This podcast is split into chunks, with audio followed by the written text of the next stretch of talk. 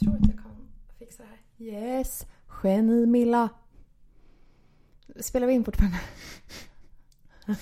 Åh! Narcissismen. Jag måste ta ut hörlurarna när vi spelar in. Jag får eko annars. Okej. Pausa nu då. Nej men nu kör vi. 2020, pandemiåret, är många viktiga mötesplatser för queers och hbtqi plus-personer stängda. Pride-paraderna var inställda, klubbarna ekar tomma. Därför vill vi skapa ett digitalt samtal och vara en queer röst i poddrymden. I den här podden kommer vi att presentera, diskutera och dissekera några av de mest spännande böckerna från årets hbtqi plus-utgivning. Vi som är med er på färden är Milla Leskinen, psykolog som knarkar bokcirklar, samt Max Bjuggfeldt, lärare och bögboksnörd. Välkommen till Bögbibblan Podcast, din queera bokkompis.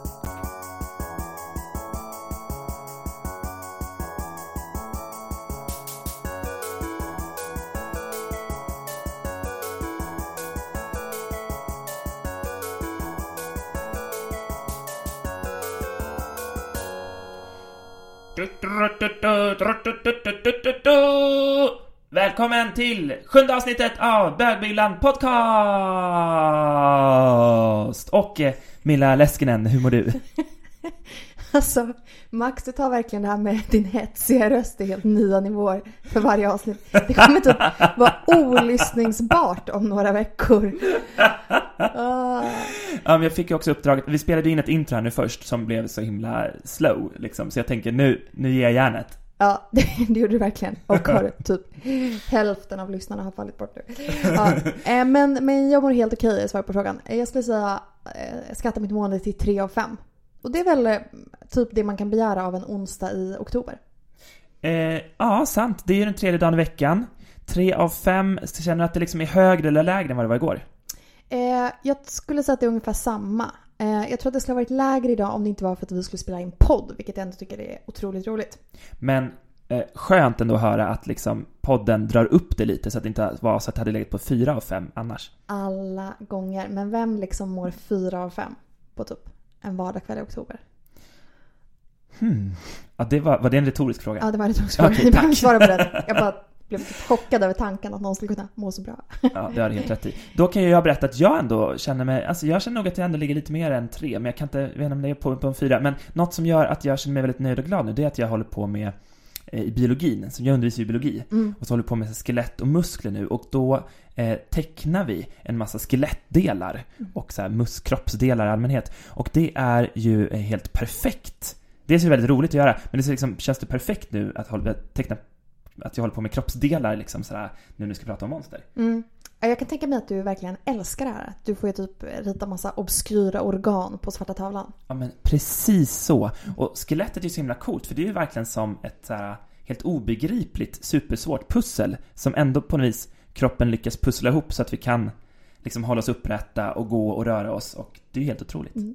Önskar att du hade varit min lärare i biologi i åttan. Hade jag också haft en så entusiastisk inställning till mitt eget skelett. Tänker typ aldrig på mitt skelett förutom kanske när det gör ont när man har åkt sån eh, typ voj. Och typ ryggraden har skakat mot kullerstenarna i Gamla stan. Åker du Voi? Ibland. Alltså jag vågar jag har aldrig gjort det. Va? Eh, jag kan ju heller inte köra moped eller tvåhjulade, jag kan cykla i och för sig. Men jag, kan, jag, skulle, faktiskt aldrig stått på en sån här elsparkcykel. Mm. Just det. No, Mm. no brands. Ja, men Milla, du var ju med om något eh, traumatiskt här för två veckor sedan. Vill du berätta om det? Ja, jag har fortfarande inte riktigt förlåtit dig för det här. Men eh, Vad Det- var det som hände? Det som hände var att du eh, ljög igen för mig på sms och sa att någonting hemskt hade hänt. Du har ju liksom hittat på alla möjliga saker. Varje gång vi hörs så är det ju någon typ av ljug eller typ ett skoj som du ska kalla det. Men den här gången var det att du hade- sa att du hade blivit magsjuk bara typ någon timme innan Johan Hilton-intervjun.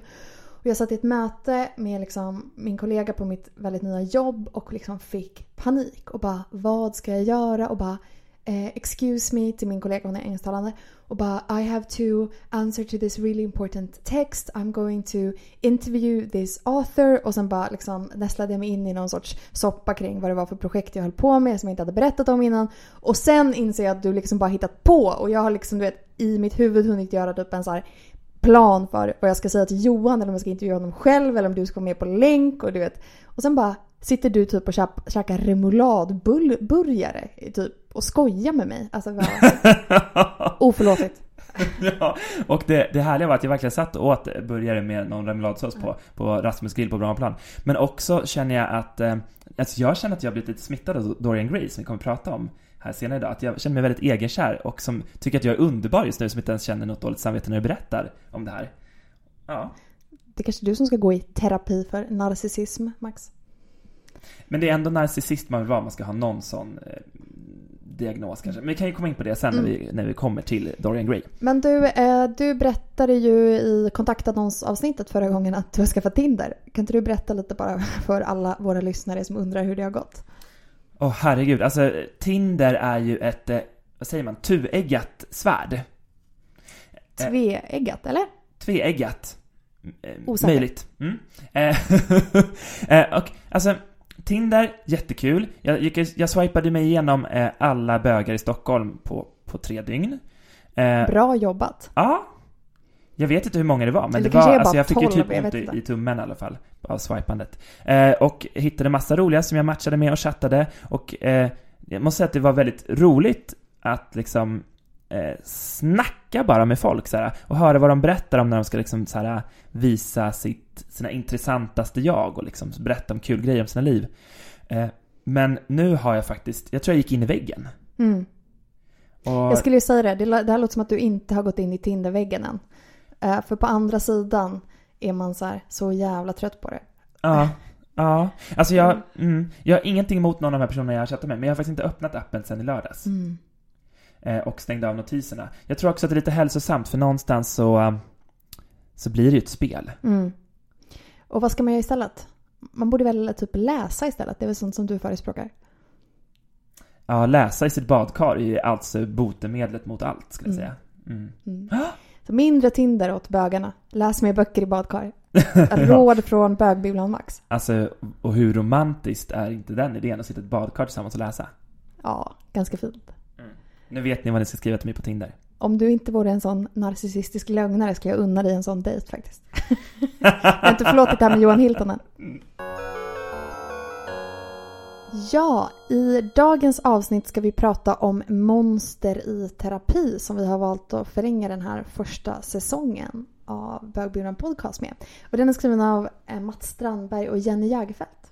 Eh, och Jenny Jägerfeldt är en svensk psykolog och författare. Hon har gett ut barn och ungdomsböcker sedan 2006 och har belönats med många fina priser såsom Augustpriset, Astrid Lindgren-priset och Expressens kulturpris Heffaklumpen.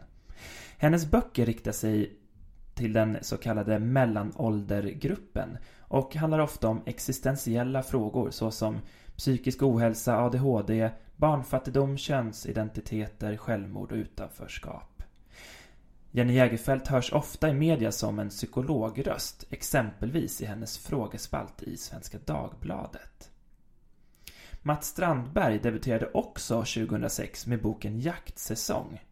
Mest känd är han för ungdomsbokserien Engelsfors-trilogin som han skrev tillsammans med Sara Bergmark Elfgren 2011 till 2013. Trilogins första bok, Cirkeln, nominerades till Augustpriset 2011 i ungdomsbokkategorin. Mats Strandberg har även skrivit barnböcker och romaner för vuxna, verkat som frilansjournalist och krönikör i bland annat QX och Aftonbladet. Han har enligt sin hemsida alltid älskat skräck och inspirerats av Stephen King. Detta är hans första roman tillsammans med Jenny Jägerfeldt. Monster i terapi är precis vad det låter som. Fyra monster från litteraturhistorien går i en nutida terapi hos den lesbiska psykologen J. Boken börjar med att läsaren får reda på att J försvunnit spårlöst genom att Js fru M skickar ett brev till polisen. I Js mottagningsrum har M hittat fyra mappar som innehåller hennes förberedelser för ett bokprojekt. Och i papperskorgen hittas ett blodigt brev till ett bokförlag som J, eh, där J beskriver bokprojektet. Det är alltså detta utkast till bok som man som läsare förstår funnits i de fyra mapparna som utgör den faktiska boken Monster i terapi. Den består till största del av sessionsrapporter som är transkriptioner av samtal mellan psykologen J och monstren. Mejl från Js handledare P som befinner sig på en vindränkt resa i Italien där hon försöker guida J i rätt riktning i behandlingarna. Samt Js egen arbetsdagbok. Insprängt finns anteckningar som man som läsare antar är underlag för det J ska ha med i boken. Som till exempel en checklista för kännetecken på narcissism, citat som J kommit att tänka på, faktatexter om psykologiska försvarsmekanismer och grekiska myter och teckningar. Parallellt får läsaren följa Js resa som gravid med sitt första barn genom provrörsbefruktning och tiden som nyförlöst mamma. J använder sig av psykodynamisk terapi och skriver inledningsvis i brevet till förlaget att hennes förhoppning med terapin är att göra monstren lite mindre monstruösa och hjälpa oss läsare att hantera våra monstruösa sidor.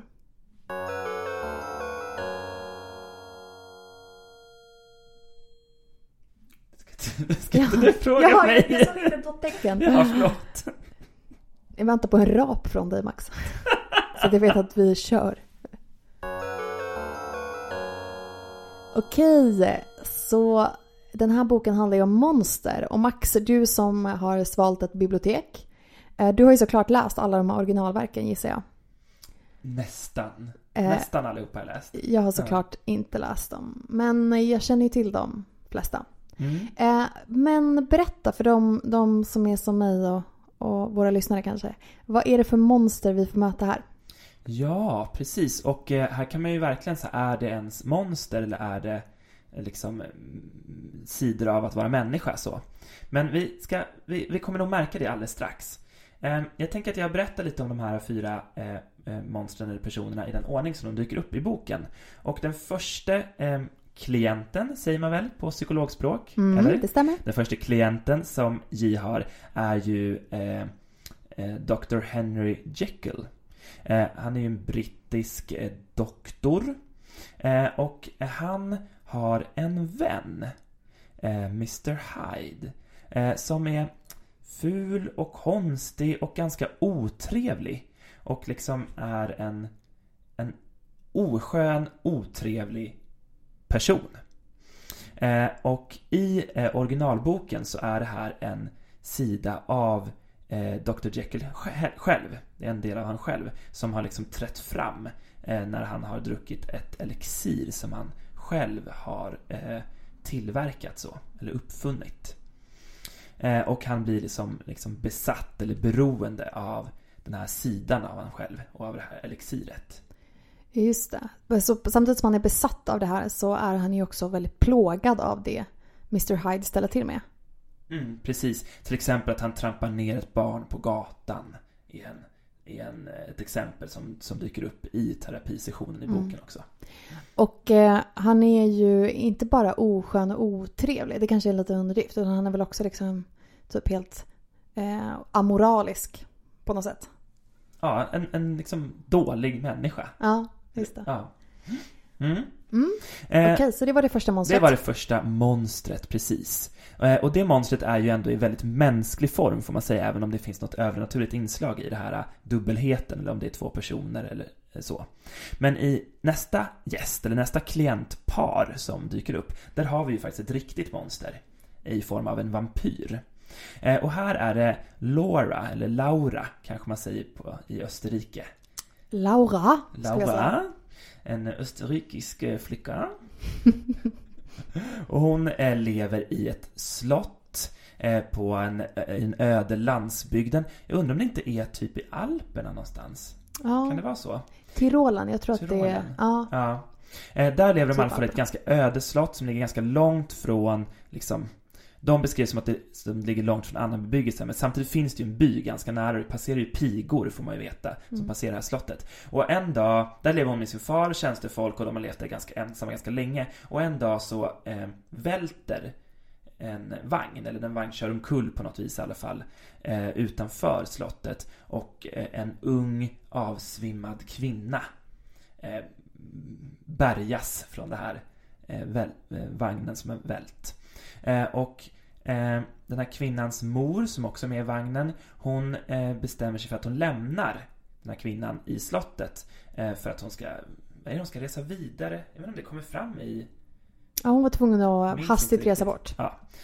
Reser vidare och den här kvinnan då, Carmilla, hon flyttar in i slottet och hon och Laura, eller Laura, eh, börjar umgås och inleder så småningom någon slags relation, får man veta. Men den här relationen är mär- ganska märklig, för eh, ju liksom mer de umgås, desto mer orkeslös och kraftlös blir Laura. Eh, och den här Carmilla, hon liksom kommer och försvinner i hennes rum lite oklart, vid oklara tillfällen. Och, och med tiden så känner hon liksom ett växande tryck kring hennes bröst. Hon vaknar på nätterna med panik och tycker det känns som att någon är i hennes rum och så. Eh, och att det trycker över bröstet. Och det kommer ju så småningom fram att Carmilla är en 180 år gammal vampyr. Mm, just det. Men som är ung och skitsnygg. Skitsnygg, precis. Mm. och här har vi då en alltså lesbisk eh, vampyrroman. Eh, och alla de här fyra berättelserna som vi, som vi får höra om, de är ju från 1800-talet. Eh, tre av dem från slutet av 1800-talet. Eh, Frankenstein som vi kommer att prata om också, den är ju från början av 1800-talet. Eh, men det här alltså är en ganska en tidig eh, vampyrroman, eh, eller lesbisk roman, och som faktiskt kom ut före Dracula till och med. Mm. Så det är liksom verkligen en av de här första vampyrromanerna. Så. Ja. Okej, och eh, Monster 3? Monster 3, det är ju vår eh, familjen Frankenstein som vi har eh, pratat om i tidigare avsnitt. Och här får vi då möta Dr. Victor Frankenstein själv. Vi får möta von, monstret som eh, J, alltså psykologen, eh, döper om till varelsen. Mm, just det, för monstret har ju som vi vet inget namn. Mm. Och så får vi också möta Victor Frankensteins fästmö, Elisabeth. Precis, som också är hans kusin och typ plastsyrra. Mm. Invecklat. Exakt, så är det. Något som även, eh, som J inte reagerar jättemycket på ändå. Eh, ja, inte det här med att de är kusiner, men hon är bekymrad över att de inte kan ha någon passionerad relation för att de har vuxit upp som syskon. Just det. Så man tar ju fasta på lite olika saker. Ja, och att eh, Victor Frankenstein inte har hört av sig på sex år är också lite utav ett märkligt, märklig omständighet. Just det. Eh, tycker J i vart fall, vi också mm. kanske. Mm. Ja. Eh, och där vi, vi vet ju ganska mycket om Frankenstein redan från det tidigare avsnittet. Men här får vi verkligen lära känna eh, fästmön. Men eh, precis, men du kanske skulle kunna förklara vad det är som gör att de går i terapi? Eh, ska jag svara på min egen fråga? jo, det är så här att eh, eh, Victor Frankenstein, han vill ha hjälp att berätta någonting för Elisabeth. Eh, för han har inte berättat för henne att han har skapat då det här monstret. Så det enda Elisabeth vet är att han har varit borta i sex år, pluggat, hon har inte hört ett ord av honom. Hon har varit hemma och tagit hand om hans brorsor och pappa. Och hon vet att de ska liksom gifta sig när han kommer tillbaka. Och sen så kommer han tillbaka eh, och han har liksom varit med om någonting eh, och har varit ett nervvrak och nu har de inte återsetts. Och eh, han vill liksom så bekänna, typ, eller ha hjälp av, av J då att, att berätta för henne vad som har hänt. Men då drar J in då själva varelsen då i den här terapin. För hon menar att Viktor då behöver liksom konfronteras med sin skapelse. Precis. Och det här löper ju parallellt med att J liksom är gravid själv. Just det. Mm. Jag tänker att vi kommer komma in på de temana sen. Mm.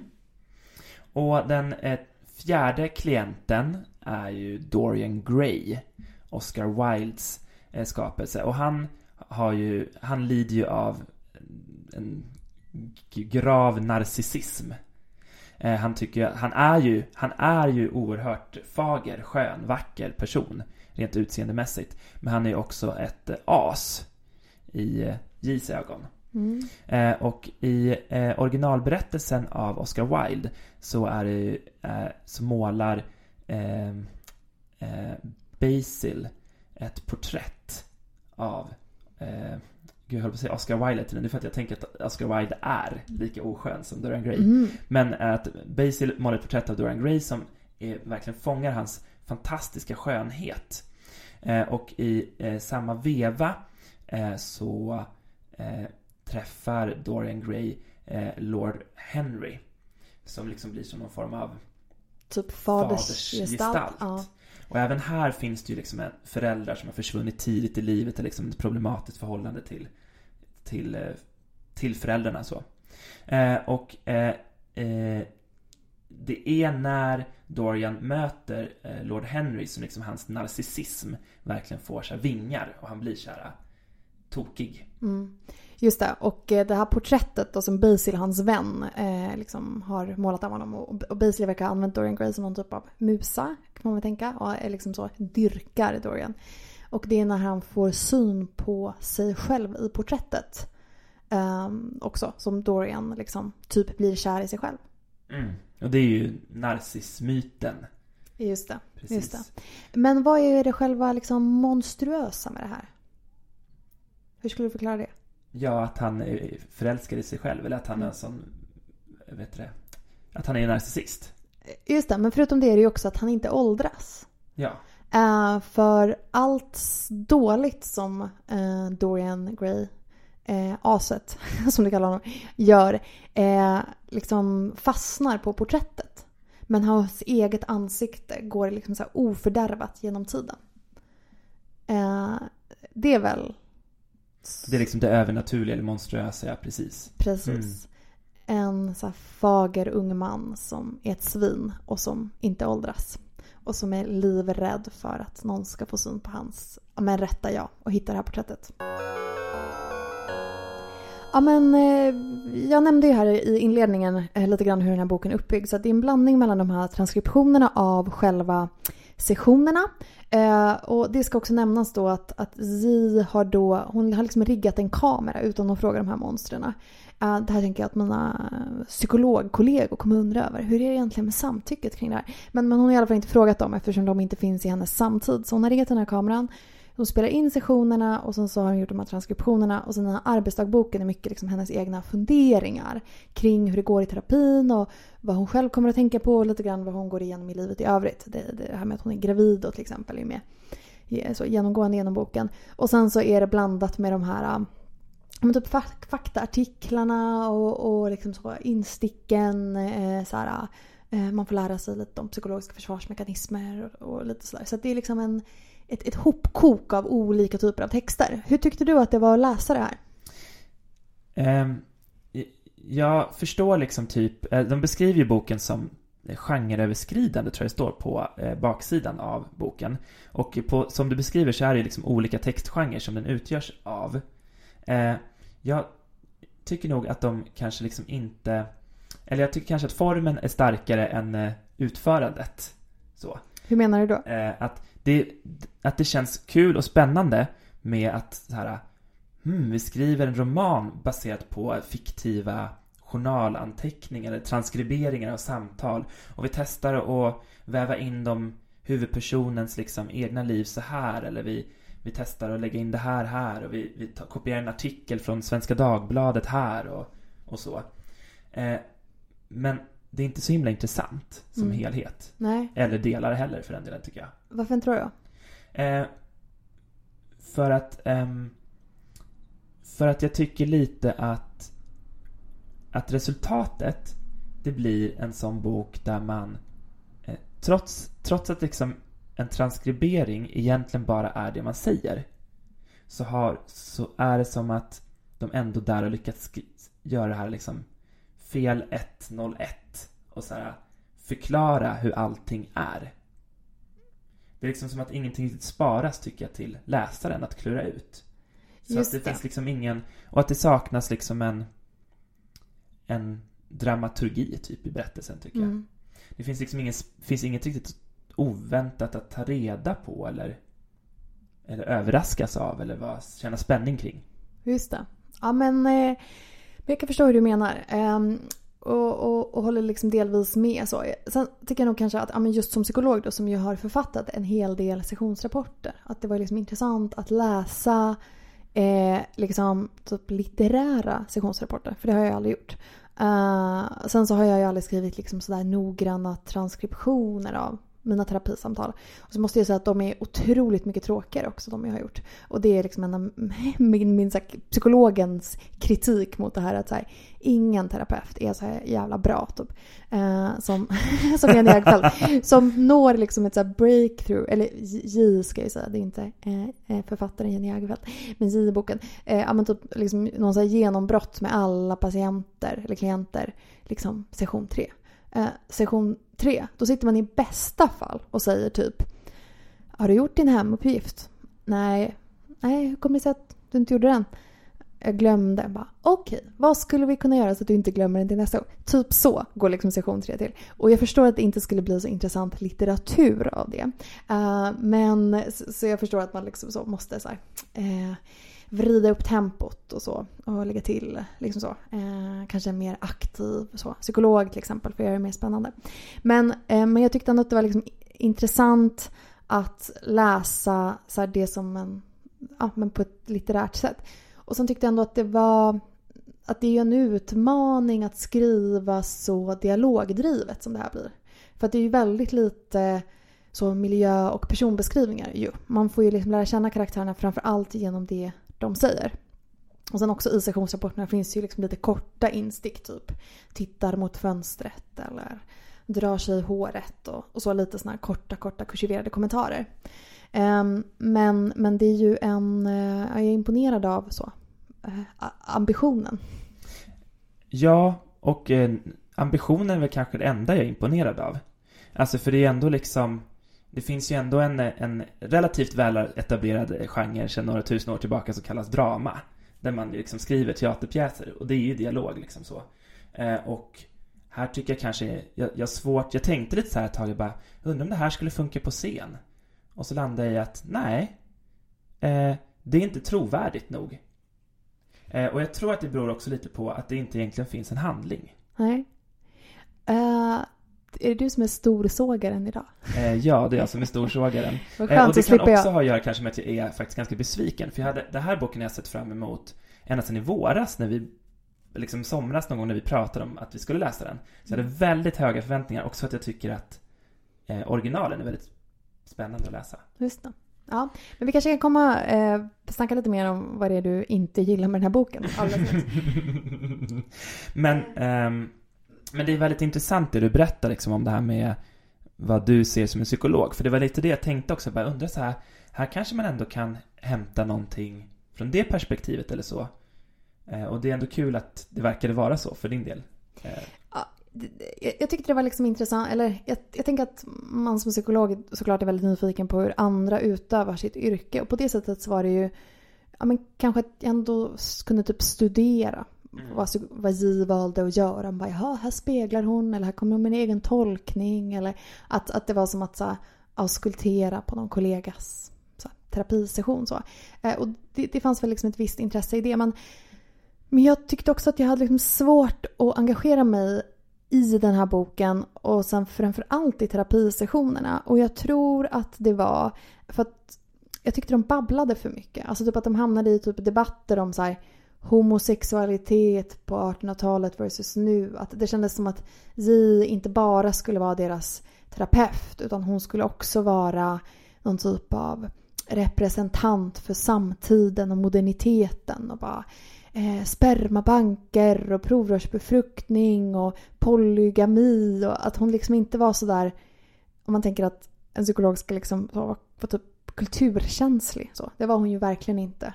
Utan mer bara din samtid är sjuk i huvudet. Typ. Du borde inte tänka sådär. Eh, fick jag liksom lite intrycket av. Alltså att de, de ägnade ganska mycket tid åt det och ganska lite tid åt det göttiga. Alltså du vet, det såriga, ångesten, du vet skammen. Att att, att liksom de så babblade typ ganska mycket. Jag vet inte om du håller med? Alltså definitivt. Det var ju absolut de tråkigaste delarna att läsa eh, själva terapisessionerna. Det som jag tänker också är att så här, det, det, som jag liksom vill lyfta fram det är att det är en så oerhört bra idé det här de har. Alltså den boken baseras ju på en fenomenalt bra idé. Och jag tänker det du beskriver där med liksom att, att det är två tider som krockar. Vi har, vi har liksom eh, det viktorianska England som krockar med vår tid. Vi har liksom eh, eh Österrike, 1800-tal, krockar med vår tid. Det finns ju jättemycket spännande i det. Men det är inte heller att vi riktigt skulle, vi, vi lär oss inte riktigt heller någonting om den tiden. Det, som man skulle kunna gjort. Och där har jag faktiskt funderat på en sak som jag skrev, att jag tror att den del jag tycker fungerar bäst är Dorian Gray-tiden. För den tycker jag också har mest att säga om vår tid. Eh, och det som också, eh, det är ju med en, en krönika som Jenny Jägerfeldt har skrivit.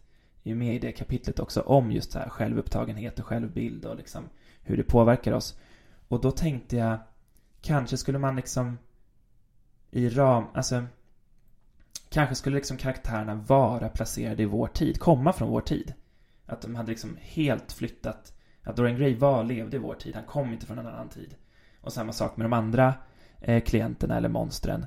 Och att det kanske hade blivit mycket mer, alltså de hade kunnat frigöra sig mer då, tänker jag, och verkligen utforska de här frågorna och det som är sårigt och säga någonting om vår tid kanske också mer.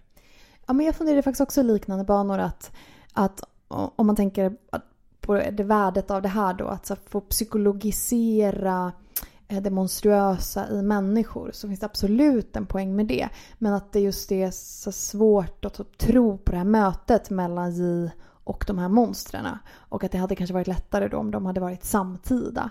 Eh, och sen, jag vet inte om jag är liksom en så anal läsare men jag tyckte det var så svårt att få ihop typ att hon accepterade vissa saker. Till exempel att hon nu behandlar klienter från 1800-talet som har rest till nutiden i en tidsmaskin, typ.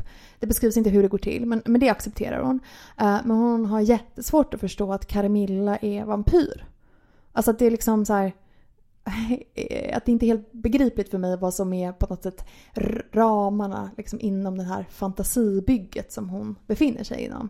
Förstår du vad jag menar? Och typ också för de här äh, att ingen av de här monstren tycks att det tycker det är konstigt att de har rest i tiden. Men sen är de jätte liksom, förvirrade av plast. Typ när de får syn på J's äh, glasögonfodral. Och så blir det liksom en dialog kring det. Uh, Förstår du vad jag menar? Alltså absolut, och det är här jag tycker att det känns lite, inte helt genomarbetat. Jag blir lite så arg, som ni hör, över att man har en så bra idé som Jenny Jägerfeld och Mats Strandberg. Det är jättekul med de här, just de här fyra monstren från samma tid och med, med att det är ett lesbiskt en lesbisk vampyrpar liksom. Det är jättespännande. Och att liksom inte bearbeta ramberättelsen så att den fungerar med de delarna. Eh, för där, det har man nästan inte lagt någon omsorg alls kring. Och jag förstår faktiskt inte det med två så här liksom duktiga författare som har lyckats så bra innan. Min hypotes är att det som är eh, nätterna på Vinterfällplats, att de har haft för roligt. Lite som Elin Bård hade för roligt när hon hängde i liksom 1920-talets Berlin. De har haft för kul när de skrev det här. Så att de har liksom glömt ramberättelsen. Mm, precis, för de tar en, en lite för enkel väg ut. Genom att liksom inte riktigt... Det är som att... Eh, ja, men genom att liksom inte göra en grej alls av hur de här monstren har tagit sig dit. Så har de också bara liksom inte... Man, det är liksom en så viktig del att man kan inte bara liksom... Mm strunta i det. Sen får man ju lite, lite svar på frågan i slutet ju. Men eh, den ska vi inte berätta om. För att spoila. Och det tycker jag verkligen var en enkel utväg. Håller med. Eh, men eh, Någonting annat som jag eh, bara förstod när jag läste helt kort om den här. Det är ju att en stor del av... Åh nej, gick puffskyddet sönder? det gick så puffskyddet sönder på min... Ja, det är sönder. Jag är så upprörd jag skruvat sönder. Max. Sitter som en liten solfjäder här istället. ja, eh, men det jag skulle säga var att eh, jag förstod när jag läste en, en, en intervju att eh, typ tre fjärdedelar av replikerna som från monstren är originalrepliker. Visste mm. du det? Eh, jag kunde ana det. Ja. Eh, och jag tror också faktiskt att eh, J i sin sista del av arbetsboken så skriver hon att han har återvänt och läst Dorian Grays porträtt. Och då märker att det är många saker som stämmer. Jag visste inte att det var så mycket, men... Och det är väl kanske... Det, det tror jag nog var en, en börda för författarna. Att behöva liksom anpassa sig eller utgå ifrån? Ja, och det kanske blev mindre bra. Mm. Eller mindre lyckat. Ja, men jag tyckte att så här, du, du säger att de inte har lyckats så bra med det. Absolut. Men, men jag, jag gillar ändå liksom så ambitionen av att liksom försöka levandegöra de här 1800-talsfigurerna. Och liksom använda deras eget språk. Och jag, det funkar liksom inte på det plan att jag känner mig engagerad. Men det funkar ju liksom på det plan att eh, det går att läsa. Alltså att det är liksom inte jätte jättesvårläsligt. Och jag tycker typ att det är ganska kul ibland när J liksom plockar upp ord som de säger och använder det för att göra sig begriplig och ja, men, så ja, men vissa detaljer som jag var inne på, och, eh, som det här med plast till exempel, men också när eh, hon inser att ordet fobi inte är allmänt känt när hon säger det till eh, Dorian Gray och han typ bara Phobos, talar du också latin? Eh, och sen så kommer de, alltså är det en sån här notis vid sidan att det liksom populariserades först med Freud och han skrev ju eh, ett av sina första verk, Lilla Hans, först i början av 1900-talet. Så liksom typ sådana så här, små detaljer liksom kunde jag mysa lite med. Och det är de detaljerna som ändå gör att det finns något slags liv i texten. Och det, jag tänker att det, det är det man hade hoppats på, liksom att gått en väg där man hade levande gjort någonting tycker jag. Mer. Men du hade ett äh, stycke du tyckte om. Ja, jag hade ett, äh, ett citat jag tycker faktiskt var typ den enda gången jag faktiskt skrattade i boken. Äh, och det är när en, en härlig förolämpning som Dorian Gray ger J Eh, han är ju faktiskt fruktansvärt taskig mot henne. Det är så här eh, sanslöst vad elak han är. Men så är han så här, blir han lite sur. Och så säger han så här. Eh, Ni förstår ingenting. Det syns lång väg. Era kläder ser alltid ut som de valts i ren yrsel och dragits på i full storm. det är liksom, det är så gulligt bara. Gulligt och taskigt. Det är så här, hur kan man vara så patetisk och elak på samma gång? Ja. Och, och en gång så refererade han till J.S. händer som eh, jag tror ovårdade tassar. Det tyckte jag också var lite sött. Mm. Och då kan man ändå höra, och här tycker jag faktiskt att det, och det är därför jag tycker att den här delen, Dorian Gray-delen, är den, den enda lyckade delen. För att här tycker jag att också J har någon form av egen röst. För hon svarar på det här med, med förolämpning av kläderna med att så här lite torrt föreställer jag mig säga att så här, Ja, det måste vara en plåga för ert estetiska sinnelag. Man kan liksom verkligen höra vilken torr, torr, torr, trött röst hon har där tycker jag. När hon ska svara på den här förolämpningen. Efter att ha fått 700 andra sådana förolämpningar. Men det är just i det som jag inte tycker att hon känns så trovärdig som terapeut. Att jag tycker att hon är alldeles för mycket en egen röst, boken igenom.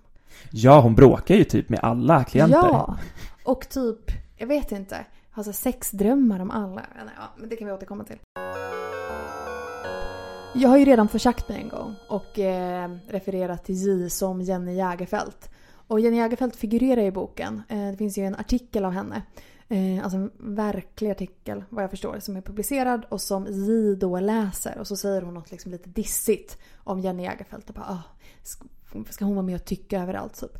Eh, men vad, vad, vad handlar det om? Och varför heter hon J? För man måste ju typ tänka att det är Jenny som är J.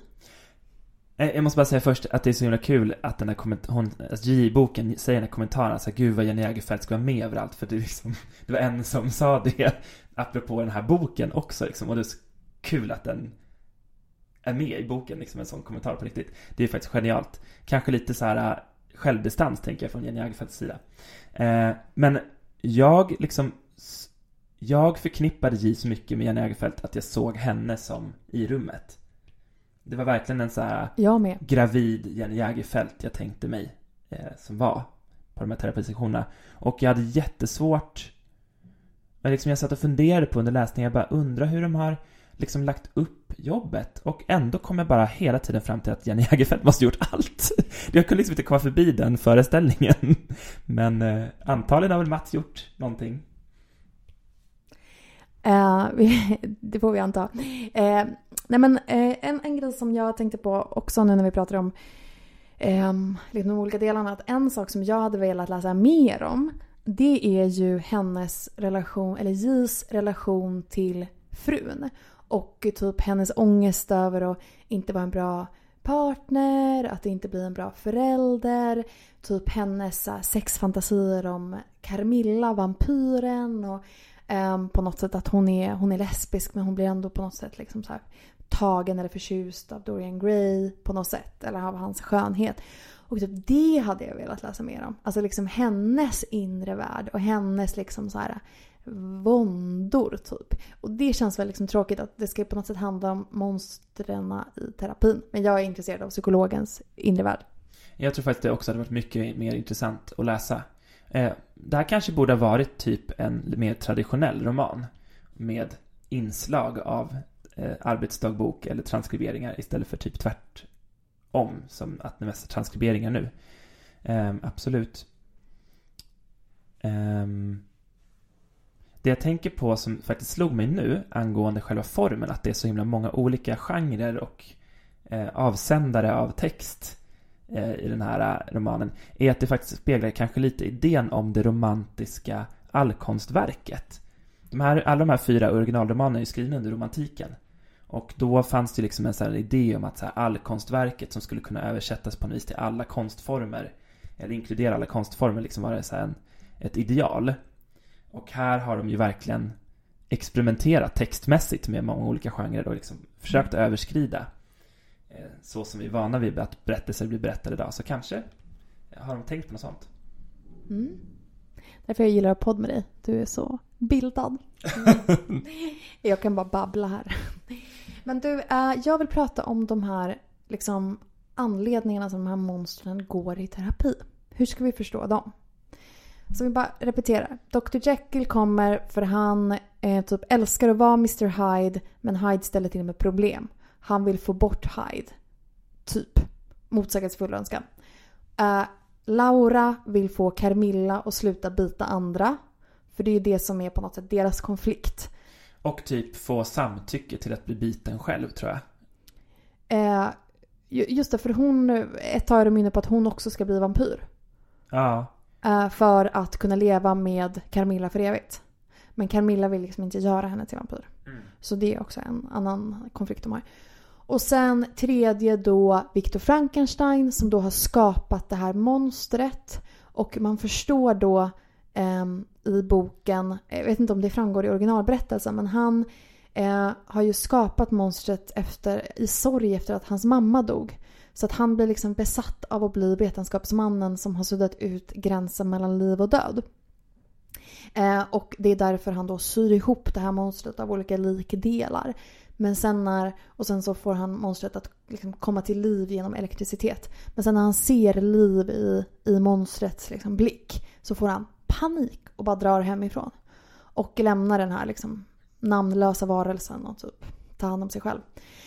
Eh, det var ju den tredje och sen den fjärde då Dorian Gray som egentligen inte kommer av egen önskan utan han kommer för att den här Basil, vännen som målade porträttet, har skrivit ett brev till Jenny. Där, eh, Jenny sa jag igen, J. till J. Eh, där ehm, eh, han oroar sig för, för Dorian att han har tappat det och bara liksom förstör människors liv. Just det, det skulle vi också ha nämnt. Att det är en, liksom ett pärlband av självmord och liksom försvinnanden bakom Dorian Gray. Att han liksom ja, men ödelägger andras liv. Eh, så det, det är väl ehm, eh, ja, men en OK sammanfattning kanske av, av de här, ska vi säga, klienternas anledning att komma i terapi. Och hur ska vi förstå dem? Ja, alltså det är ju, det är ju faktiskt en väldigt bra fråga. För det är ju också, de är ju eh, de är ju barn av en annan tid än terapi. Alltså det är liksom och, och, det, det är, och där tycker jag återigen att typ Dorian Gray är, att det är ganska intressant för att han Han är den som, tycker jag, tydligast Om jag inte minns fel, men liksom verkligen, han motsätter ju sig verkligen terapin eh, Och tror ju inte på det och tycker att det här är liksom Han ifrågasätter ju henne Eh, J på jättemånga sätt i, i hennes yrkesroll och liksom hela hennes varför han är där. Och det är ju fullkomligt rimligt liksom om man är från 1800-talet tänker jag. Eh, så, ehm... så ja, det är en bra fråga. Nu tappade jag bort tråden. Eh, de, de andra de andra tror ju ändå på idén om att man kan förändras. Eh, och, och har väl eh, har ju väl ändå försökt liksom på något vis förändra sin livssituation på andra sätt men inte lyckats och på något vis hamnat jag vet inte riktigt hur de har fått tag på J men hamnat där på något vis i vart fall. Det där är också lite en logisk lucka i hur ramberättelsen, tror jag. Eller så har jag missat något. Mm. Eller? Uh, ja men det, jag tror inte det förklaras helt hur de hamnar hos J. Um, men jag tänker att Eh, Eh, ja, men återigen då kanske psykologen i mig tänker att eh, det är ju väldigt lockande på något sätt att börja psykologisera. Eh, så. andra människor men också fiktiva karaktärer. Att man på något sätt vill förstå varför Viktor Frankenstein då skapade det här monstret utifrån någon typ av trauma till exempel. Eller man vill förstå varför Dr Jekyll behövde skapa Mr Hyde för att på något sätt kunna hantera liksom sidor av sig själv som han inte kunde acceptera. Så att jag vet inte, min läsning av det, det kanske är väldigt bokstavligt för att ja, men typ, det skrivs ja, men relativt rakt ut i, i något av de här initiala breven då, eller som en som, eh, typ av förord. Att, att de vill få, eller att J då i det här bokprojektet vill få oss att komma i kontakt med liksom våra inre monster och liksom att inse att mm, det kanske inte finns några monster utan vi, vi är alla människor med monstruösa sidor och vi måste liksom eh, komma liksom så, till freds, freds med dem. Och att eh, ur det perspektivet då kan man väl tänka att, att det är ju ändå liksom, ja, absolut barn av sin tid. De hade kanske antagligen inte sökt terapi eh, då, eh, ens om det fanns, framförallt inte hos en kvinna. Eh, men, men att de har ju liksom så problem som går att förstå också i vår tid. Till exempel, ja men Dr Jekyll, jag, eh, eller hans liksom så Eh, brist på acceptans för eh, djuriska drifter eller så. Eh, det som inte är eh, i enlighet med samhällets moral och sådär. Det kan man ju förstå fortfarande. Alltså människor med en väldigt sträng moral till exempel. Eller då Lauras och Carmillas konflikt kring monogami. Det är ju många som tampas med.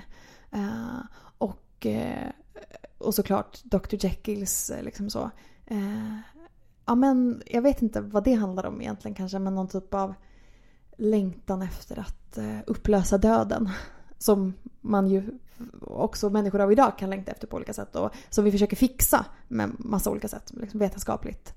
Eh, och med dataforskning och sådär. Och sen såklart eh, din favorit Dorian Gray. Den är ju också väldigt angelägen i vår samtid. Alltså sådär, den längtan efter, eller sökandet efter den eviga ungdomen och den här egen kärleken. Ja, och jag, jag tycker egentligen att det här är en... Eh, att det här verkar vara ett väldigt bra upplägg för att, för att undersöka de här frågorna. Eh, och, och hade det inte bara varit så jävla tråkigt att läsa det så tror jag liksom att det hade fungerat jättebra. Eh, för att idén liksom är där. Och som du säger, det här är frågor som lever nu och som på något vis är som, som jag tänker att att vi berörs av väldigt många av oss, också ganska generationsöverskridande idag. Um, Hur menar du med generationsöverskridande? Nej men jag tror att liksom vi, att så här, det här med typ eh, självbild och att så här, bli exponerad av sin egen självbild eller för sin egen självbild hela, hela, hela tiden. Eh, det, är ju, det är väl superrelevant genom så här, sociala medier oavsett om man är en brukare av sociala medier eller inte så är det liksom en levande fråga. Eh, och också tänker jag kring det här, så här hur man organiserar sina, sina eh, kärleksrelationer eller idéer kring, kring på något vis här, föräldraskap och vad man ska ge ett barn. Eh, det tänker jag liksom att så här, det där är ju teman som, som, från, som, som på något vis är aktuella från, från barnaålder och liksom typ nästan hela livet föreställer jag mig. Och, och det här, men samtidigt så är det här jag kan bli lite undra lite också vem vem vem ska läsa det här? Och liksom jag vet inte, grotta ner sig i de frågorna. Jag, jag ser liksom inte vem som vem, hur den här boken ska tända de där gnistorna för de där frågorna ändå som jag tror att de kanske hade tänkt sig att man skulle en, utforska. En eh, persons gnista som tändes var eh, är det Ase Åseberg på DN, bokrecensent. Eh, och skrev en så här lång och agitatorisk text typ. Som var liksom en bokrecension men som egentligen var liksom ett brandtal för typ psykodynamisk och psykoanalytisk eh, terapi. Eh, som motsättning då mot KBT. Att så här, i den här boken fick liksom samtalet flyga typ versus så här, den rådande så här, eh, effektivitetsbetonade KBT. Um, ehm, så, som jag, disclosure, ju, uh, det är det jag har arbetat med. Så, så jag kanske är liksom lite biased i den här frågan. Så det var ju en intressant så här, sätt att läsa det. Typ att det här är typ en samhällsgärning i att liksom lyfta upp att det finns andra sätt att intressera sig för det mänskliga psyket på. Eh, det tror jag går många, inklusive mig, förbi som läser den här boken. Eh, det förstår jag. Men, men jag, jag tänkte ändå i de banorna eftersom jag eh, ju liksom var väldigt medveten om vilken så här, teoretisk, ja, vilket lag hon ställdes i. Eller då ska man liksom inte så överdriva kanske konflikterna mellan KBT och andra eh, terapiformer. Men, men det finns ju ändå där i någon, någon mån. Så. Eh, så jag förstår absolut att man kan läsa det som ett försvarstal för andra former av, av psykoterapi. Eh, men det förstår jag att de allra flesta inte tänker på. Eh, kan du se den här boken som typ så här eh, diskussionsunderlag på psykologutbildningen? Jag tänkte faktiskt på det, för jag tänkte också på frågan bara att jag inte riktigt fattar vem de, som är den skriver för. För att jag trodde att det var för mig, liksom till exempel hallå lesbisk psykolog, uh, som eh, liksom befattar sig med litterära karaktärer. Du vet, det borde ju, jag borde ju vara den, liksom, man googlar på bild på personer som borde älska den boken så borde det vara jag. men, men, eh, men jag gjorde inte det. Och jag tänkte att jag kanske skulle kunna intresserat mig för en typ första terminen på psykologprogrammet för typ tio år sedan. Men eh, jag vet faktiskt inte. För jag tror att det här ändå är en bok som ska läsas tillsammans. Jag, tänk, jag föreställer mig att så här, det här är anledningen till att jag tycker att den är så sjukt tråkig, eller var så sjukt tråkig att läsa, är kanske också, alltså jag kanske skulle ha läst den tillsammans med någon. Ett kapitel åt gången eller så en, en klient åt gången. Det kanske hade varit roligare. Och liksom verkligen stanna upp och liksom prata om innehållet medan man läser det på något vis. Och då tänker jag så här, kanske skulle passa på typ så här en psykologikurs på gymnasiet eller kanske på psykologutbildningen för att det är så här väldigt starkt kring sådana begrepp som psykologer använder sig av, eller vad vet jag, men jag vet inte. Spå, mm. alltså, ja, nej, annars så fattar jag faktiskt inte. Mm. Jag såg att den hade 3,7 i snitt på uh, Goodreads, jag fattar ingenting. ja, Nej, Max, du skräder inte orden idag. Uh, men en annan sak som jag vill prata om som jag undrade. Det är ju det här man får ta del av då som läsare som är liksom hennes egna issues. Typ som så här, man... Så det hintas till men som inte utvecklas jättemycket. Till exempel att Mr Hyde då påminner om hennes pappa. Som man har förstått har varit, haft alkoholproblem. Eh, det är ju en sån grej som liksom på något sätt aktualiseras i henne i det här klientmötet då med, med, med Dr Jekyll och Mr Hyde. Uh, så det funderade på vad du tänkte kring och sen så är det ju hela den här barngrejen uh, som är kopplad då till Victor Frankenstein och gänget. Uh, att så här, varelsen är, är, var ju typ ett över, övergivet barn och att hon blir så här super emotionellt engagerad i varelsen för att hon är väldigt gravid. Eh, precis då. Eller visst är det precis när hon ska föda? Eh, jag, ja, jag, tror att det är bara veckorna mm. innan. Så att hon blir liksom jätteengagerad i det. Och sen så var det väl kanske någon koppling till typ lust och sexualitet som var kopplat till Carmilla då. Som hon typ projicerade på sin uh, fru. Där har vi ju en av vägarna in i boken som hade, som jag tycker så här, som man hade velat liksom på något vis att boken handlade kanske mer om, eller utforskade mer. Eh, henne och hur hon eh, liksom påverkas av de här, själv av de här eh, terapisessionerna. Eh, men eh, samtidigt så är jag så tyck, för, för det som jag tycker är nu, det är att vi får ändå Trots att hon liksom är berättarrösten så får vi ganska lite av henne på något vis. Det vi får från hennes bakgrundshistoria är ju liksom eh, från bruksort, är lesbisk, kom ut som vuxen. Ja, någonting oro i uppväxten kring någon förälder eller båda kanske, jag vet inte. Eh, och eh, det är ju jättespännande. Och nu har gjort en klassresa och är medelklass, beskriver hon ju själv också. Och jag menar, det här är ju liksom aktuella, ett, ett aktuellt så här, öde eller levnadsbana, biografi som, som det finns jättemycket att, att på något vis levande göra. Men vi får ju så himla, himla lite att det liksom mm. nästan blir en stereotyp. Mm. Ja, precis. Varför var det med då? Mm.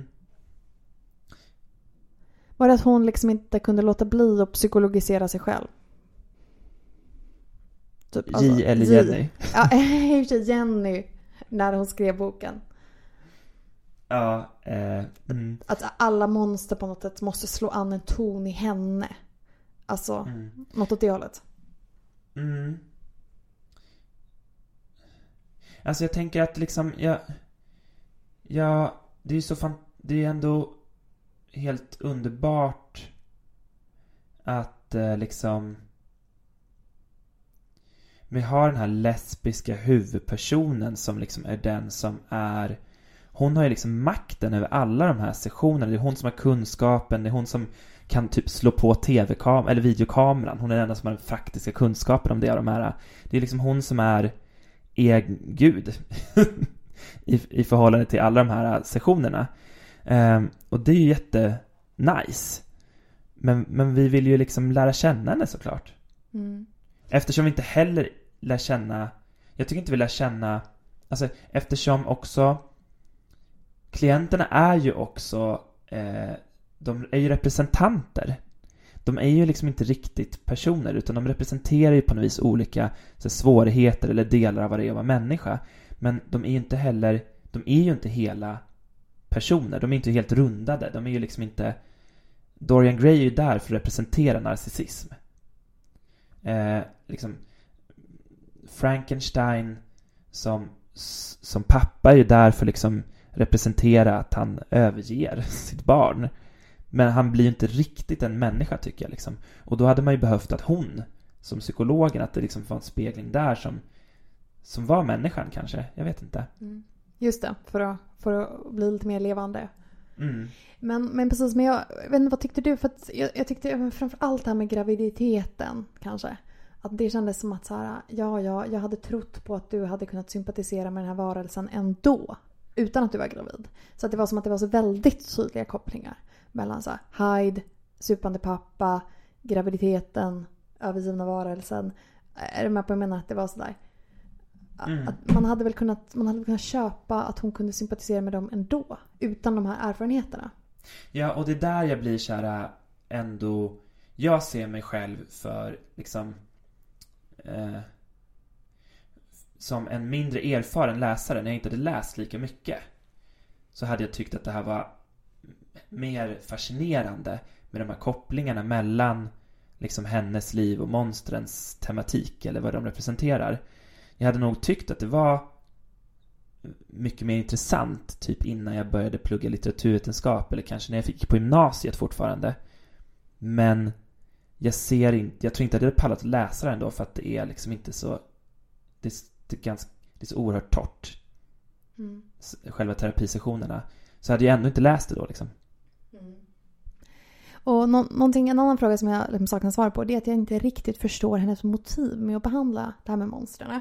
Hon säger ju så här i det här brevet till förlaget. Jag har skrivit ner det. Um,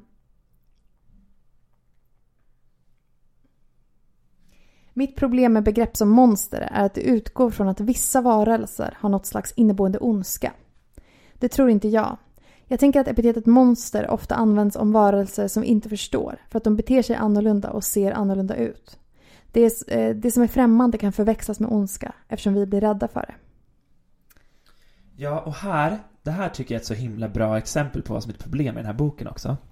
Eh, för att här får vi liksom som typ en programförklaring det första som händer på boken, i boken. Och då skulle man kunna tolka det som att så här, eh, ja men mm, Alltså antingen så är det ju att man blir skriven på näsan och bara, ah, okej okay, det här är det vi ska tycka som läsare. Och det avskyr man ju. Men eller så är det att man tänker sig att den här eh, huvudpersonen ändå ska göra någon form av resa under bokens gång. Nu tror jag att hon gör lite liten resa, för i slutet när hon är så himla trött på det här och typ inte hon sover inte, får sitta uppe på nätten och titta på den här eh, inspelningarna och läsa transkriptionerna och hennes partner är ju jättesur på henne.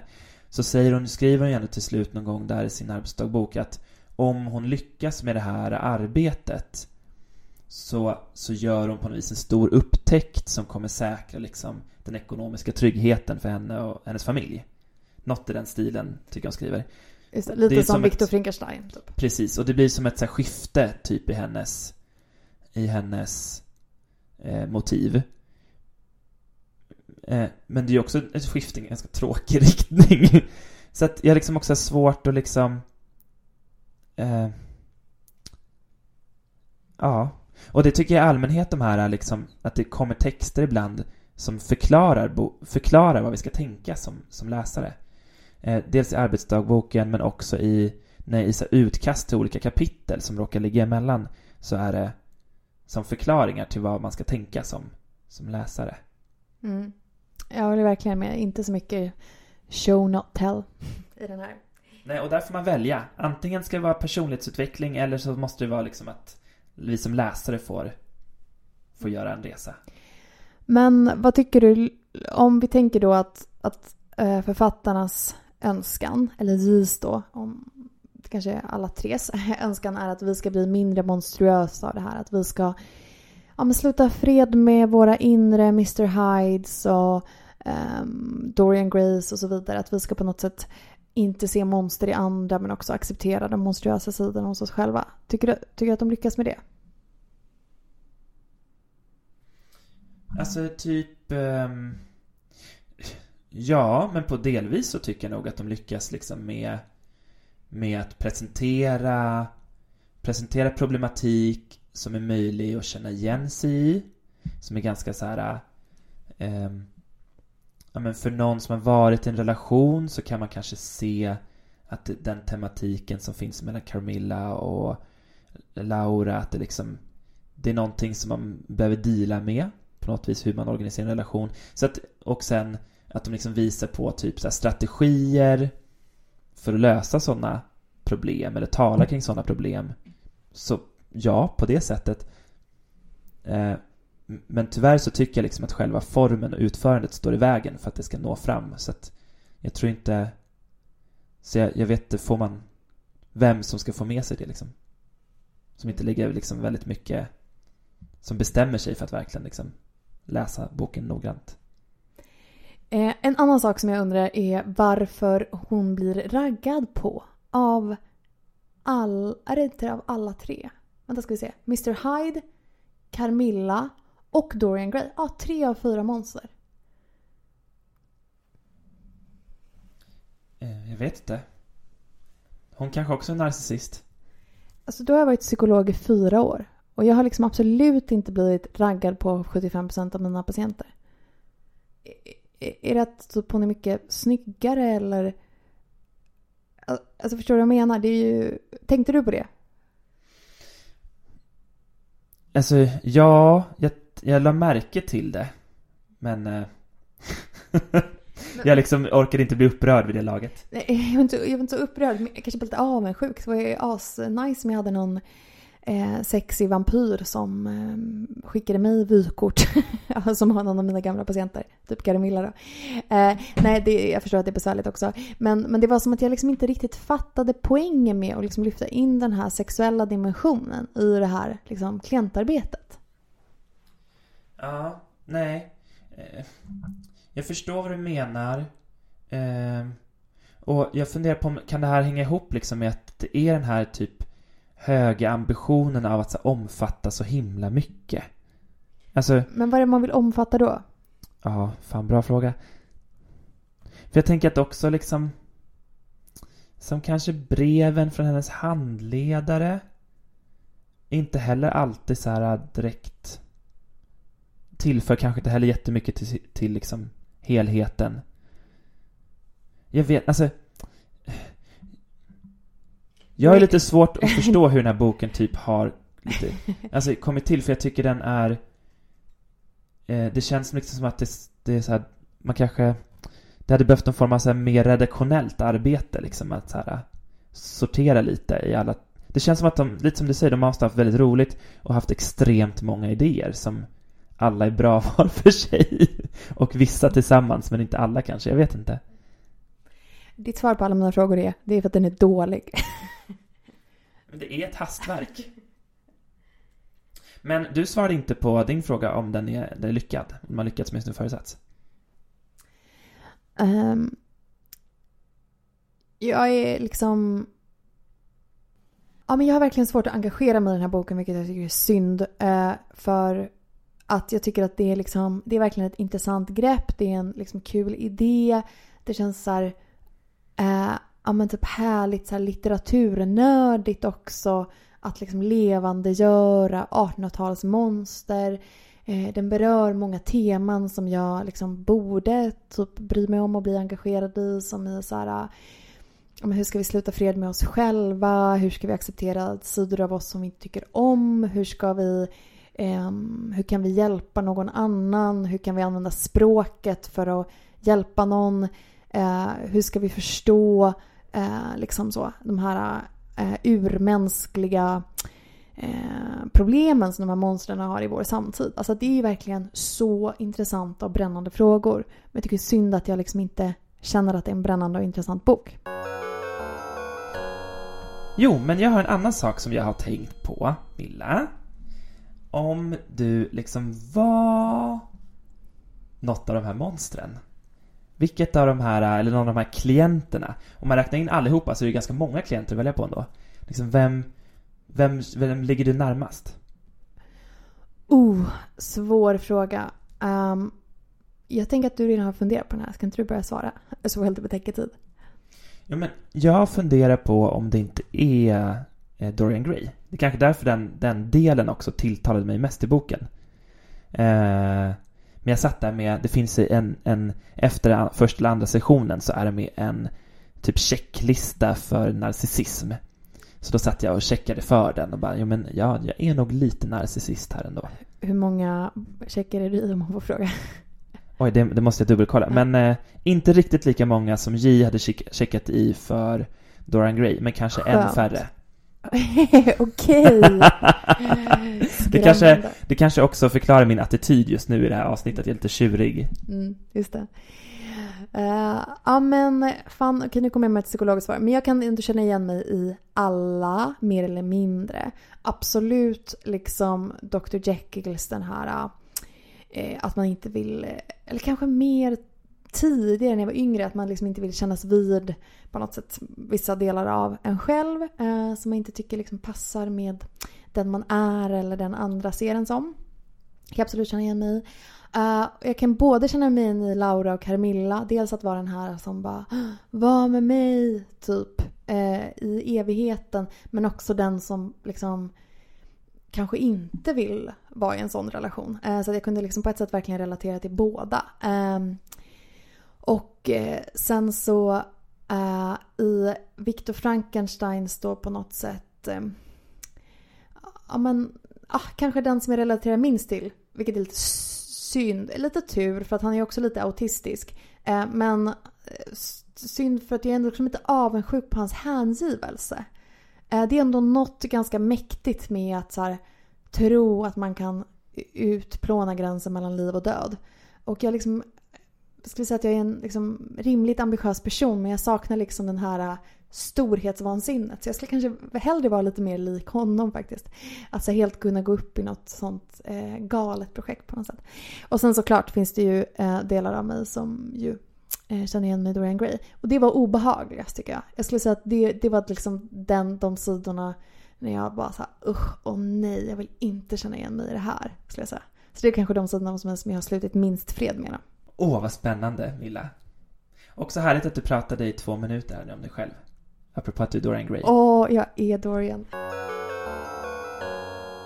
Och det var eh, mycket om boken och lite om, om mig och varför jag är Dorian Gray. Eh, men det var väl slutet på snacket om monster i terapi. Ja, eh, och eh, den kommer vi inte prata om igen, antar jag. Men jag vill ändå säga att trots min lite neggiga attityd i det här avsnittet eh, så vill jag ändå säga att jag tycker eh, räds inte för originalen. Eh, Carmilla, eh, liksom den första vampyrromanen, en lesbisk vampyrroman från 1800-talet. Ta och läs den. Den är inte heller så himla lång. Eh, och eh, samma sak med ehm, Dorian Gray, inte heller en så himla lång bok och Frank Frankenstein, inte heller så himla lång. Och liksom läs dem, det är verkligen bra litteratur. Jag har inte läst Dr. Jekyll och Mr. Hyde så jag vet inte så mycket om den. Jag älskar att du gör reklam för böckerna eh, för att de är korta. Ja, precis. Men Men jag de är- uppskattar verkligen det. Men de är verkligen såna här, för det är ändå lite så här, vi vet att så här, eh, man, man blir tv- tvingad att läsa långa, gamla böcker, så vet man att det är ganska kämpigt. Det här är gamla böcker, men liksom, då är det skönt att veta att de inte är svinlånga. Sen, eh, fast, ja, 1800-talet, ni vet.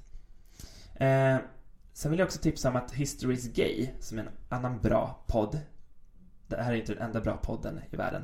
Men det är en väldigt, väldigt bra podd och de har gjort ett avsnitt om eh, Oscar Wilde som är väldigt gripande.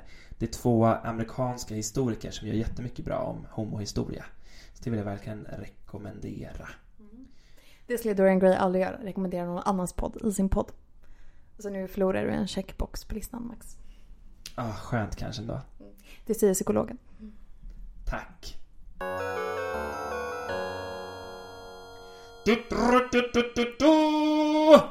Jag tror vi ska inleda alla, ta bort vår jingle och bara min trumpet i framtiden. Eh, låt oss inte ta bort eh, vår fantastiska jingle. Okej, jag älskar jingeln. Men trumpeten är också fin. Eh, gå gärna in på iTunes och ra- ratea min trumpet. Just det. Uh, ja, eh, vi, trumpeten var ju för att eh, vi ska annonsera att vi ju har valt att förlänga vår säsong. Eller det har vi ju liksom redan gjort. Eh, Monster terapi har ju varit liksom som en bonusbok. Men vi tänkte att det är på sin plats att presentera resterande böcker nu. Uh, och den första boken som vi ska liksom läsa i, som vi kallar för liksom B-sidan då av av B-sidan, det lät deppigt. Men fortsättningen helt enkelt av den här första säsongen av Bögbibeln Podcast. Det är en bok av Elin Levén. Det är en svensk författare som är född 1984 och som debuterade med den kritikerhyllade Du är rötterna som sover vid- mina fötter och håller jorden på plats. Uh, den kom ut 2010 och belönades med Katapultpriset för årets bästa debut med motiveringen en intensiv och laddad skildring av en ung människas sökande efter identitet och tillhörighet. Den blev eh, väldigt omtalad för sitt poetiska språk och för att, till skillnad från mycket annan queerlitteratur i Sverige, inte vara uppbygglig utan istället skildra två identitetsfackade unga queers som vår kompis Johan Hilton skrev i en recension i Expressen. Filmversionen av den här boken, Någonting måste gå sönder, kom 2014 och belönades med en Guldbagge. Och Hur jag skulle vilja försvinna är alltså Levens andra roman och den kom ut på Norstedts förlag i oktober i år. Och eh, jag vet inte så mycket om den här boken men jag tänkte att jag läser baksidetexten. Eh, den går så här. Det blir varandras i stunden då de möts. De är varandras kompass. Men när Felix försvinner vet Robin inte längre vad av honom själv som är kvar. New York är platsen som ska få Robin att glömma i extas. En plats som är världens kaotiska centrum. En plats där även tillfälliga möten har en anstrykning av evighet. Här kan erotiken, berusningen och våldet en gång för alla upplösa gränsen mellan honom och världen. Få honom att glömma Berlin, som blivit en neonskimrande begravningsplats.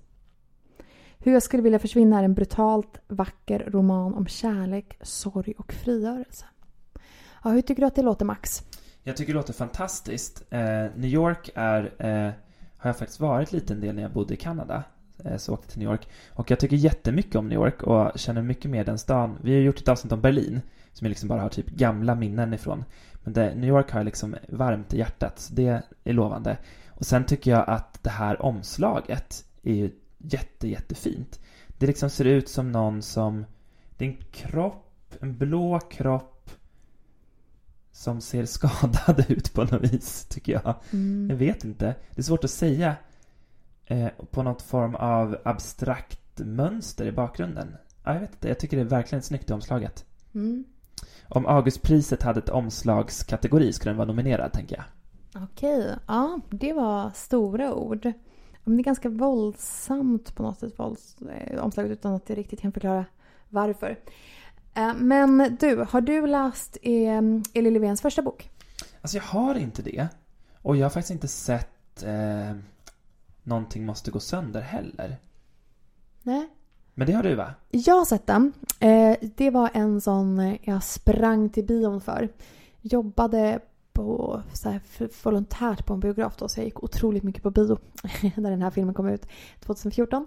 Eh, och, eh, och eh, minns att jag liksom Ja, nu är det, jag har bara sett den en gång då. Men jag minns det som att det var en ganska sådär klassisk kärleksberättelse egentligen. Om så här, två unga människor som föds, föds, äh, föds äh, det har de, de har fötts, men de möts och blir liksom så här psykoskära verkligen.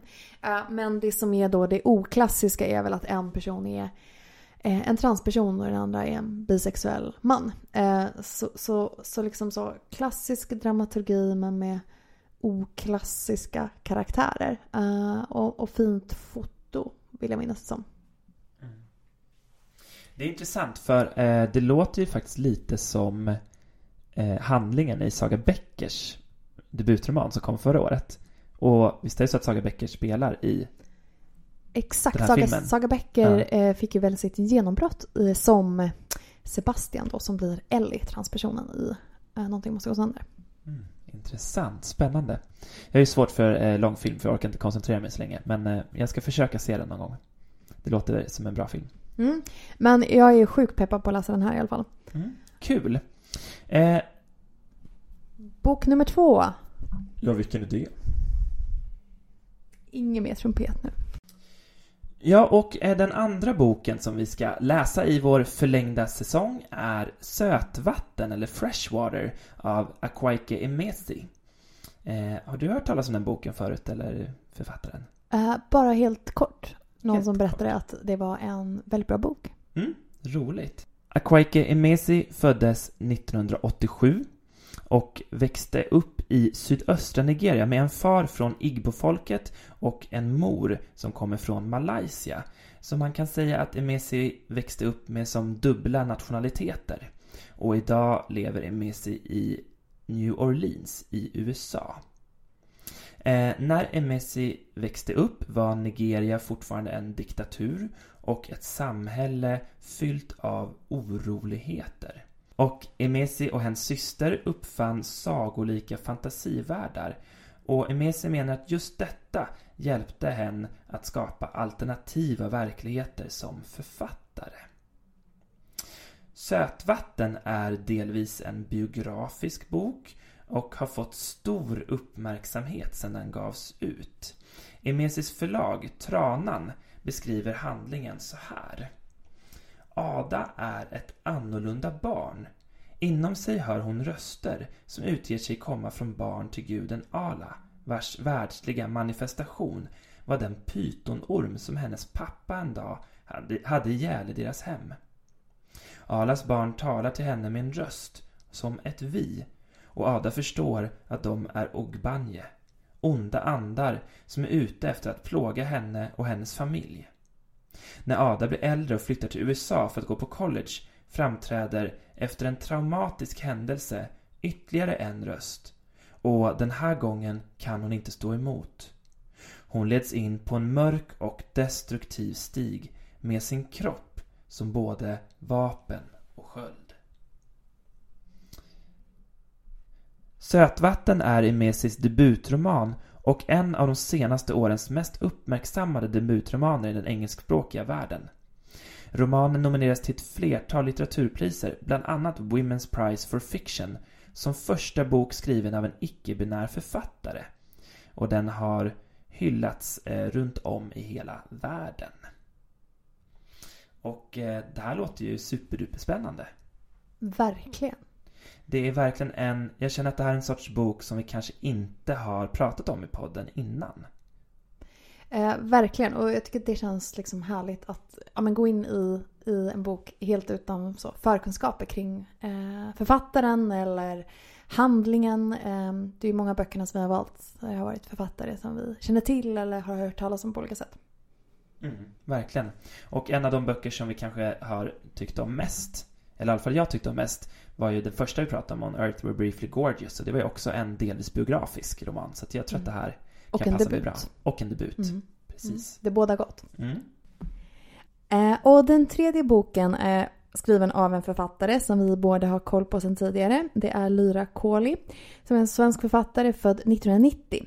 Och hon var tidigare verksam under namnet Lyra Ekström Lindbäck och vann Lilla Augustpriset 2008 för en bok som heter Manual. Och hon utkom 2012 med romanen Tillhör Lyra Ekström Lindbäck som följdes av Ett så starkt ljus 2014. vilket nominerades till Augustpriset samma år. Hon har även varit redaktör för en poetisk nättidskrift och förläggare på bokförlaget Lesbisk Pocket och är numera doktorand i filosofi. Och Blödningen, eh, den boken vi ska läsa, det är hennes femte roman och beskrivs på förlagets hemsida så här. Blödningen är en roman om begär som får verkligheten att upplösas. Om kroppen, live och skrivande. Nära relationer och suget efter fiktion. Blödningen utgavs 1 september i år på bokförlaget Modernista. Eh, Lyra Cooley eh, beskriver livekulturens fenomen blid i romanen Blödningen. Jag tänkte att vi kunde ha med det här bara för att det, jag, blev så nyfiken på att höra eh, vad det här med blödning egentligen syftade till. Eh, och det som står är Begreppet blid myntades i livevärlden för att beteckna ett pinsamt misslyckande. Man klarar inte av att hålla isär verkligheten från fiktionen. Man låter sina personliga bevekelsegrunder påverka spelet, alltså bleed in. Till exempel genom att snäsa mot någon man ogillar som ska eh, föreställa ens karaktärs bästa vän. Man fortsätter att känna saker från livet efteråt, bleed out, som en spelad förälskelse som inte går att skaka av sig. Mm. Så det var lite om Lyra Cooley och blödningen. Och eh, jag är ju ett Lyra-fan. Jag har ju läst flera böcker av henne innan. Tillhör Lyra Ekström Lindbäck till exempel, Ett så starkt ljus och I tiden. Uh, vad, vad, har du läst innan? Eh, jag har läst Ett så starkt ljus och jag tyckte så mycket om den boken. Jag tyckte det var en så stark läsning. Varför tyckte du så mycket om den boken? Nej men jag bara gillade eh, att det här, för jag minns det som att liksom den gick liksom hela vägen in i besattheten som kan uppstå i en relation till en annan människa. Och jag gillar att den gjorde det liksom utan att be om ursäkt. Mm. Just det. Ja, fint beskrivet. Jag tyckte jättemycket om eh, alla böckerna egentligen. Men i tiden läste jag först faktiskt. Och det är den senaste av de här tre. Och den tyckte jag var en sån, det var så kusligt nästan att läsa en sån eh, exakt beskrivning av min samtid. Och jag hade på något sätt hela den känslan av att jag typ skulle kunna ha varit skildrad liksom i förbigående. Typ som att jag var en statist på liksom de här platserna som den här huvudkaraktären i boken rörde sig på. Eh, som att vi liksom befann oss i exakt samma Stockholm exakt samtidigt. Typ. Eh, och det var en, det var en, eh, en cool, cool känsla. Eh, och ja, men lite kuslig som sagt. Och sen så tycker jag också jättemycket om Ett så starkt ljus just för att det är ja, men den här besatten som du beskriver, besattheten som du beskriver men också eh, den här liksom de här parallella på något sätt utlevda och outlevda eh, liksom, förälskelserna i de här olika personerna som tar sig uttryck på olika sätt och de på något sätt samexisterar. Um, och att så här, vissa är typ personer som huvudkaraktären känner väldigt väl. Andra är med personer från hennes förflutna och andra är liksom mer som så här drömska så här, porträtt av andra. Men att på något sätt de här ja, men parallella förälskelserna, parallella processerna och på något sätt queerheten som är så fundamentet för den här romanen men utan att vara det som är objektet. Eller förstår du vad jag menar? Det är inte det som liksom studeras men det är utgångspunkten. Förstår du vad jag menar? Alltså, jag blir liksom hur peppad som helst på att läsa själva boken för att det, det, verkar så himla spännande. Men också peppad på att prata om den med dig för du beskriver så hennes böcker så himla, himla bra här. Kul. ja, jag är också väldigt peppad på att läsa den här. Men eh, vad har vi som sista bok? Jo, och den fjärde boken som vi ska läsa, den heter En port till havet, brev från arabiska bögar av Khaled Alesmel. Han har också skrivit Slamlik. Har du hört talas om den? Berätta Nej. allt. Ja, men eh, Khaled Alesmel är journalist och författare. Han är född i Syrien. Och han har eh, arbetat som journalist, främst inom radio, läste jag på här. Och bland annat rapporterat från Raqqa, som man kanske känner till från rapporteringen eh, från kriget i Syrien. Eh, och han har studerat vid universitetet Damaskus och eh, Selamlik utspelar sig bland annat, den är delvis självbiografisk också, utspelar sig bland annat när han är på, studerar på universitetet i Damaskus, men också hur han, den är också skriven från hans perspektiv i Sverige, för det är så att han har flytt till Sverige och lever i Sverige nu. Eh, och bland annat så är han aktiv i positiva gruppen Väst eh, och eh, föreläser om journalist och yttrandefrihet eh, i konfliktområden och om hbtq plus-frågor. Eh, och ehm, jag har läst Selamlik och jag tyckte det var en fantastisk bok och också tror jag liksom bra och för mig att läsa som kanske liksom inte har hade liksom var så liksom som på ett intellektuellt plan, rationellt plan vet om att det är ett krig i Syrien, vet om att människor behöver fly därifrån men inte har tagit del av så här, de konkreta människoödena. Så. Ja, det låter ju också superspännande. Mm. Och kanske som en bok som man inte hade, eller jag inte hade trillat över. Nej. Om det inte var för den här podden. Och, och precis, och, och den här, hans andra bok här nu, eh, En port till havet, brev från arabiska bögar, den eh, eh, utgörs av nio livsberättelser. Och de är dokumenterade genom brev och intervjuer. Och det hela tar tydligen avstamp med att eh, Alesmel själv får ett brev från en anonym kursdeltagare på SFI i Göteborg som går samma kurs som han gör. Och det här brevet sätter igång liksom tankar hos Khaled al som samlar ihop andra berättelser från sitt liksom, sin, sin journalistkarriär eller bana så. Eh, och han beskriver sig som en Damaskusbög, den här brevskrivaren. Och det är liksom avstampet och sen vävs tydligen de här olika livsödena samman till en berättelse om krig och flykt bland annat.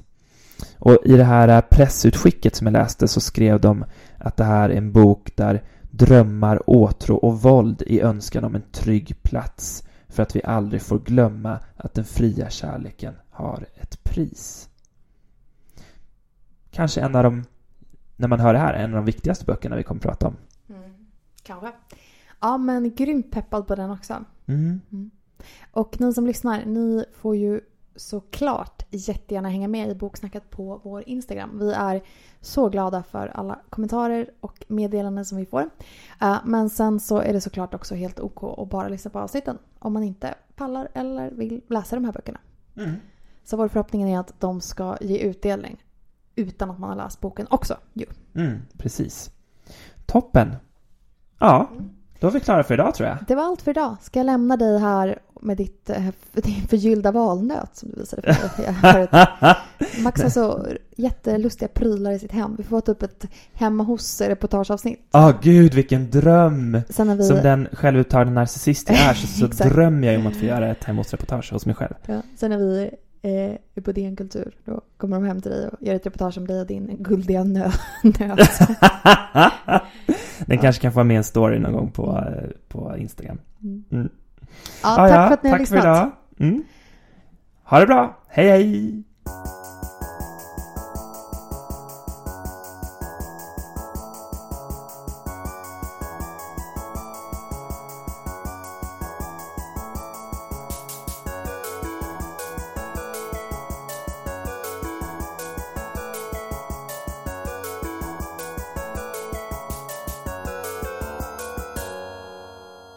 Du har lyssnat på Bögbibblan Podcast, din queera bokkompis och vi som pratar är Milla Läskinen och Max Bjuggfeldt.